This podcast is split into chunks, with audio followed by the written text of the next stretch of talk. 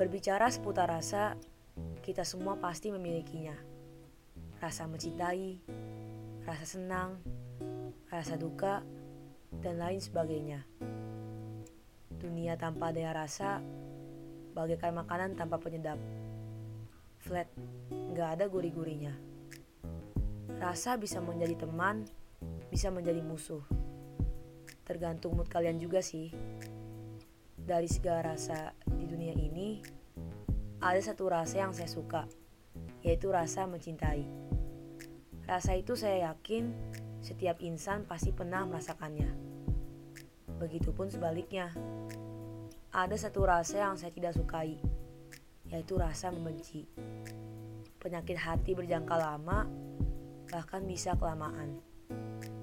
Terkadang, ada beberapa insan yang berpura-pura dalam soal rasa.